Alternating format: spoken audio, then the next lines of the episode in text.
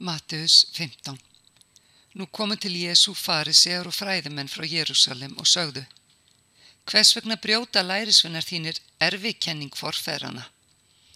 Þeir taka ekki handlugar áður en þeir neyta matar. Hann svaraði Hvers vegna brjóti þér sjálfi bóður Guð sækir erfikenningar yðar? Guð hefur sagt heiðir að föðin og móður og hver sem formælir föður eða móður skal dauða deyja. En þér segið hver sem segir við föður sinn eða móður þar sem þér hefði geta orðið til styrtar frá mér er musterisfjö. Hann á ekki að heidra föður sinn eða móður. Þér ógildið orðbuðs með erfi kenning yðar, hræstnarar, sannspár var ég segja um ykkur er hann sagði. Líður þessi heidrar mig með vörunum, en hjarta þeirra er langt frá mér. Til einski styrka þeir mig, er þeir kenna þá lærdóma sem eru mannasetningar einar og hann kallaði til sín mannfjöldan og sagði Heyrið og skiljið, ekki saurgarða mannin sem innfer í munnin, hitt saurgar mannin sem útfer af munni. Þá komu lærisvinnar hans og sögðu við hann, veistu að farið sé að nýtt neyksluðist þegar þeir heyrðu orðin? Hann svaraði, sér hver jurt sem faði minn himneskur hefur eigið gróðusett mun upprætt verða. Láti þá eiga sig, þeir eru blindir, leiðtógar blindra. Ef blindu leiði blindan falla báðir í grifju. Þá sagði Pétur við hann, skýrðu fyrir oss líkinguna.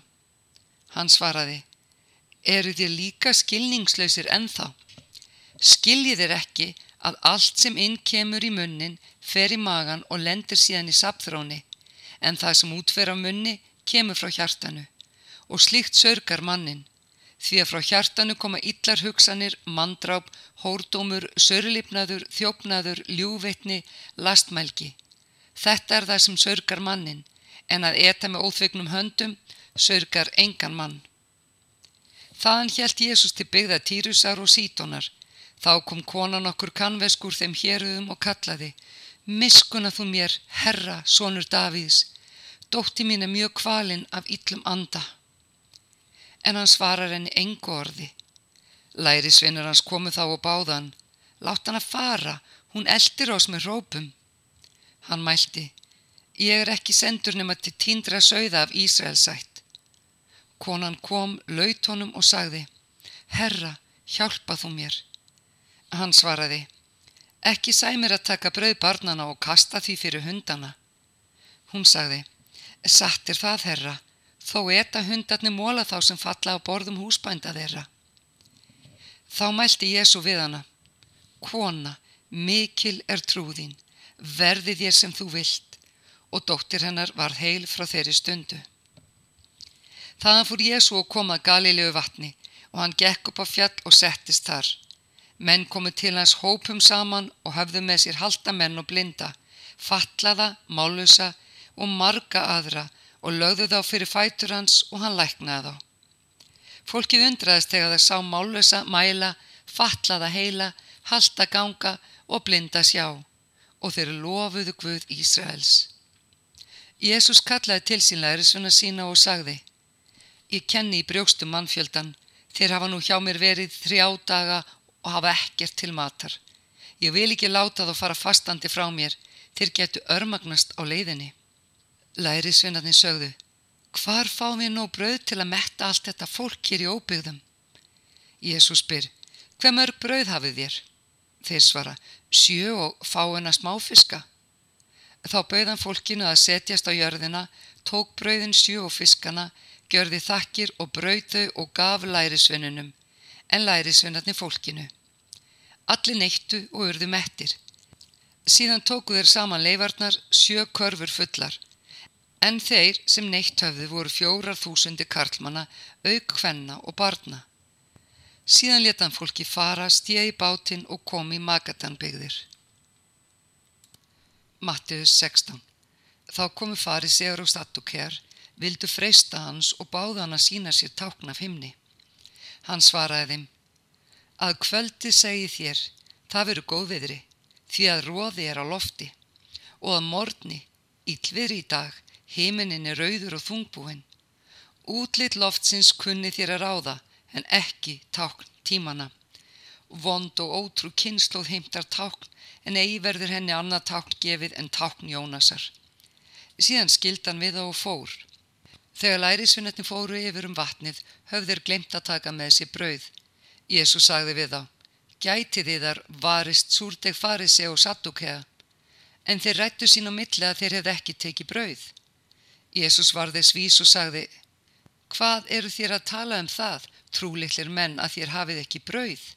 Skinnið þér ekki enn, minnist þér ekki brauðana fimm handa fimm þúsundum og hver margar körfur tóku þér saman? eða brauðana sjöhanda fjórum þúsundum og hver margar körfur tóku þér saman. Hvernig má það vera að ég skinnið ekki að ég var ekki að tala um brauð við yður, varist súrdeg farisegu og sattukea. Þá skildu þeir hann hafði ekki talað um að varast súrdeg í brauði, heldur kenningu farisegu og sattukea. Þegar Jésu kom í byggðir Cesari yfir Filippi, spurðan læri svinna sína. Hvert segja menn mannsónin vera? Þeir svöruðu, Sumir Jóhannes skýrara, aðrir Elíja og enn aðrir Jeremíja eða einn af spámanunum. Hann spyr, en þér, hvert segir þér mig vera? Símón Pétur svarar, þú ert Kristur, sonur hins lifanda Guðs. Þá segir Jésu við hann, sætler þú Símón Jónasson, hold og blóð hefur ekki ofinbera þér þetta, heldur faði minn á himnum. Og ég segi þér, þú ert Pétur, kletturinn, og á þessum kletti mun ég byggja kirkju mína og máttur heljar mun ekki á henni sigrast. Ég mun fá þér likla himnaríkis og hvað sem þú bindur á jörðu mun bundið á himni og hvað sem þú leysir á jörðu mun leist á himni. Þá lagða ríkt á við lærisvinnana að segja engum að hann væri Kristur. Upp frá þessu tók Jésu að sína lærisvinnu sínu fram og hann ætti að fara til Jérúsalem, líða þar margt af hendu öldunga, æðstu presta og fræðimanna, og verða lífláttinn en rýsa upp á þriðja degi. En Pétur tók hann á einmæli og fóra áteljan. Guðu náði þig, herra, þetta má aldrei fyrir þig koma. Jésús nýri sér við og mælti til Pétus. Vík frá mér, Satan, þú ert mér til ásteytingar, þú hugsar ekki um það sem Guðs er, heldur það sem manna er. Þá mælti Jésús við lærisvinna sína. Hver sem vil fylgja mér afneiti sjálfum sér, taki krossin og fylgi mér. Því að hver sem vil bjarga lífi sínu mun týna því og hver sem týnir lífi sínu mín vegna mun finna það. Hvað stóðar það mannin að eignast allan heiminn og fyrirgjöra sálu sinni? Eða hvað gæti maður látið til endugjalds fyrir sálu sína? Mannsonurinn mun koma í dýrföðu síns með englum sínum og þá mun hann gjalda sérkverjum eftir breytni hans. Sannlega segi ég yfir, Nokkru þeirra sem hér standa munu eigi dauða býða fyrir en þeir sjá mannsónin koma í ríki sínu. Matteus 17 Eftir sex daga tekur Jésús með sér þá Pétur, Jakob og Jóhannes, bróður hans, og fer með þá upp á hátt fjall að þeir væru einir saman. Þar ummyndaðist hann fyrir augum þeirra, ásjóna hans gein sem sól og klæða hans urðu björt eins og ljós. Og Mósi og Elja byrtust þeim og voru þeir á tali við hann Pétur tók til máls og sagði við Jésu Herra, gott er að við erum hér. Ef þú vilt skal ég gjöra hér þrjár tjálbúðir, þér eina, Mósi eina og Elja eina. Meðan hann enn var að tala skigði yfir þá bjart skí og rött úr skíinu sagði Þessi er minn elskaði svonur sem ég hef velþóknun á, hlýðið á hann. Þegar lærisverðin heyrði þetta fjalluður fram á ásjónur sínar og hrættust mjög. Jésús gekk til þeirra snarta og mælti. Rísið upp og óttist ekki, en er þeir hófu upp augu sín sáu þeir engan nema Jésús einan. Á leiðinu á að fjalli bauði Jésús þeim og mælti. Segið engum frá síninni fyrir mannsonurinn er risun upp frá döðum. Læri svunatni spurðan, hví segja fræðimennir að Elíja eigi fyrst að koma? Hann svaraði, Víst kemur Elíja og færir allt í lag, en ég segi yður, Elíja er þegar komin og menn þekkt hann ekki, heldur gjörðu honum allt sem þeir vildu. Einsmur og mannsonurinn píslir þóla af hendi þeirra. Þá skildu lærisvinnarnir að hann hafi talað við þá um Jóhannes skýrara. Þegar þeir komið til fólksins, gekk til hans maður, fjall á knið fyrir honum og sagði, Herra, miskuna þú síni mínum, Hann er tunglsjúkur og illa haldinn Oft fellur hann á eld og oft í vatn. Ég fór með hann til lærisvinna þinna en þeir gátu ekki læknaðan. Jésús svarar, Ó, þú vantrúa og rángsnúna kynnslóð, hversu lengi á ég að vera hjá yður, hversu lengi á ég að umberiður. Færaðan hinga til mín. Og Jésús hastað á hann og ylli andin fór úr honum og sveitnin var heill frá þeirri stundu. Þá komu lærisverðandi til Jésu og spurðan einslega, hvers vegna gátum ég ekki reikið hann út? Hann svaraði þeim, vegna þess að yður skortir trú. Sannlega segi ég yður, ef þér hafið trú eins og mustarskort getið þér sagt við fjall þetta, flytið hérðan og þangað og það mun flytja sig. Ekkert verður yður um megn, en þetta kyn verður eigi útrekið nema með bæn og föstu. Þegar þeir voru saman í Galilegu sagði Jésús við þá. Mannsónurinn verður framseldur í manna hendur og þeir munu líflátan en á þriðja degi mun hann upprýsa. Þeir eruðu mjög hryggir. Þá er þeir komið til Kapenám, gengum enn þeir sem heimta einn musteriskjaldi til Pétus og spurðu. Geldur meistari þar eigi musteriskjaldið? Hann hvað svo vera? En er hann kom inn, tók Jésús fyrr til máls og mælti. Hvað líst þér á Símón? Af hverjum heimtar konungur jarðarinnar toll eða skatt? Af börnum sínum eða vandalösum? Af vandalösum, sagði Pétur. Jésús mælti. Þá eru börnin frjáls, en til þess við neykslum þá ekki skaltu fara niður af vatni og renna öngli. Taktu síðan fyrsta fiskin sem þú dregur, opna munnans og myndu finna pening. Tak hann og greið þeim fyrir mig og þig. Mattiðus átján Á þeirri stundu komu lærisveinarnir til Jésu og spurðu, hver er mestur í himnaríki? Hann kallaði til sín líti barn, setti það meðal þeirra og sagði, sannlega segi ég yður, nema þér snúið við og verðið eins og börn, komist þér aldrei í himnaríki. Hver sem auðmikið sjálfan sig eins og barð þetta, sá er mestur í himnaríki. Hver sem tekur við einu slíku barni í mínu nafni, tekur við mér en hverjum þeim sem tæli til fals einn af þessum smælingum sem á mig trúa væri betra að vera sögt í sjávardjúb með milnustein hengdanum háls. Vei heiminum vegna ginninga hans. Hjá ginningum verður eigi komist, en vei þeim manni sem veldur. Ef höndin eða fótur tæliði til fals, þá sníðan af og kasta frá þér. Betra er þér handarvana eða höldum inn að ganga til lífsins en hafa báðar hendur og báða fætur og verða kastað í hinn eilífa eld og ef augaðið tæliði til fals þá rífi það úr og kasta frá þér. Betra er þér einegðum inn að ganga til lífsins en hafa bæðu augu og verða kastað í eldsvítið.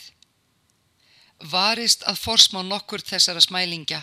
Ég segi yður að englar þeirra á himnum sjá jafnan auglit míns himneska föður því að mannsonurinn er komin að frelsa hefði tínda. Hvað virðist yður Ef einhver á hundrað sögði og eitt þeirra villist frá, skilur hann þá ekki 99 eftir í fjallinu og fer að leita þess sem viltur er. Og auðnist honum að finna hann, þá segja ég yfir með sanni að hann fagnar meir yfir honum en þeim 99 sem viltust ekki frá. Þannig er það eigi viljið þar himnaska föður að nokkur þeirra smælingja glatist. Ef bróðið þinn syndgar gegn þér, skaltu fara og tala um fyrir honum og sé það ykkar einna í milli. Láti hann sér segjast, hefur þú unnið bróðiðinn, en láti hann sér ekki segjast, skaltu taka með þér einn eða tvo að hvert orð sé staðfest með frambyrði tveggja eða þryggja vitna.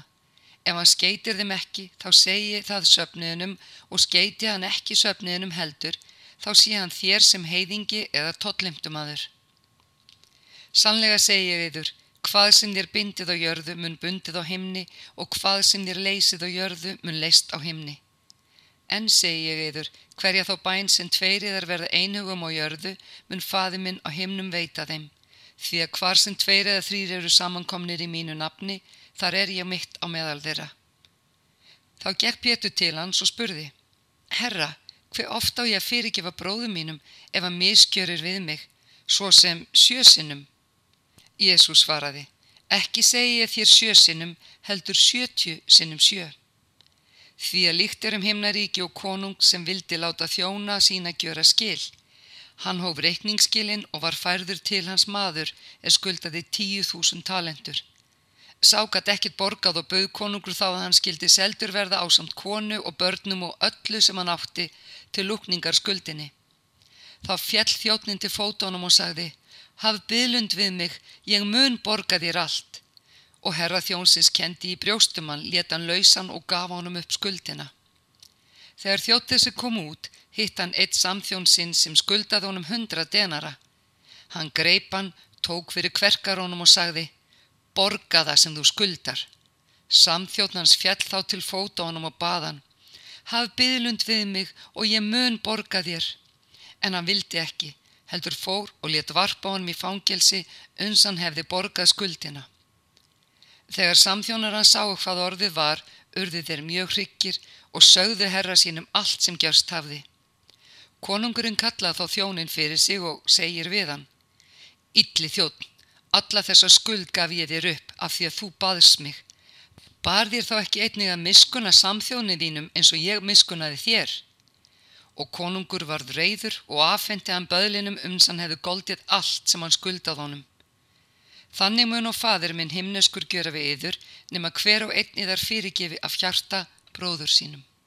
Mattius 19 Þegar Jésús hafði mælt þessum orðum fór hann úr Galilegu og hjælt til byggða Jútið handan Jórdanar. Fjöldi manna fylgd honum og þar að læknaðan þá. Þá komið til hans farisegar og vildu freysta hans. Þeir spurðu, leifis manni að skilja við konu sína fyrir hvaða sög sem er? Hann svaraði, hafið þeir eigi lesið að skaparinn gjörði þau frá upphafi karl og konu og sagði, fyrir því skal maður yfirgefa föður og móður og bindast konu sinni og þau tvö skulu verða einn maður. Þannig eru þau ekki framar tvö heldur einn maður. Það sem Guði við tengt saman má maður eigi sundur skilja. Þeir segja við hann, hvers vegna bauð þá Mósi að gefa konu skilnaðabrif og skilja svo við hana? Hann svarar, vegna harðúðar hjartna yðar lefði Mósi yður að skilja við konur yðar en frá upphafi var þetta eigi þannig. Ég segiður, sá sem skilur við konu sína nema sækir hórdóms og kvænist annari, drýir hór. Þá sögðu lærisvinnar hans, fyrst svo er hátt að stöðu kalska hvort konu þá er ekki vænlegt að kvænast. Hann svaraði þeim, þetta er ekki á allra færi, heldur þeirra einna sem það er gefið. Sumir eru vanhæfir til hjúskapar frá móðurlífi, sumir eru vanhæfir gjörðir af mannavöldum, Sumir hafa sjálfi gjört sér vanhefa vegna himnaríkis, sá höndli sem höndlað fær. Þá færðu menn til hans börn að hann legði hendur yfir þau og bæði fyrir þeim, en lærisvinnar hans átöldu þá. En Jésús sagði, leifið börnunum að koma til mín og varnið þeim eigi því að slíkra er himnaríki. Og hann lagði hendur yfir þau og fór þaðan. Þá kom til hans maður og spurði, meistari, Hvað gott á ég að gjöra til þess að öðlast eilíft líf? Jésu sagði við hann, Hví spurð þú mig um hitt góða?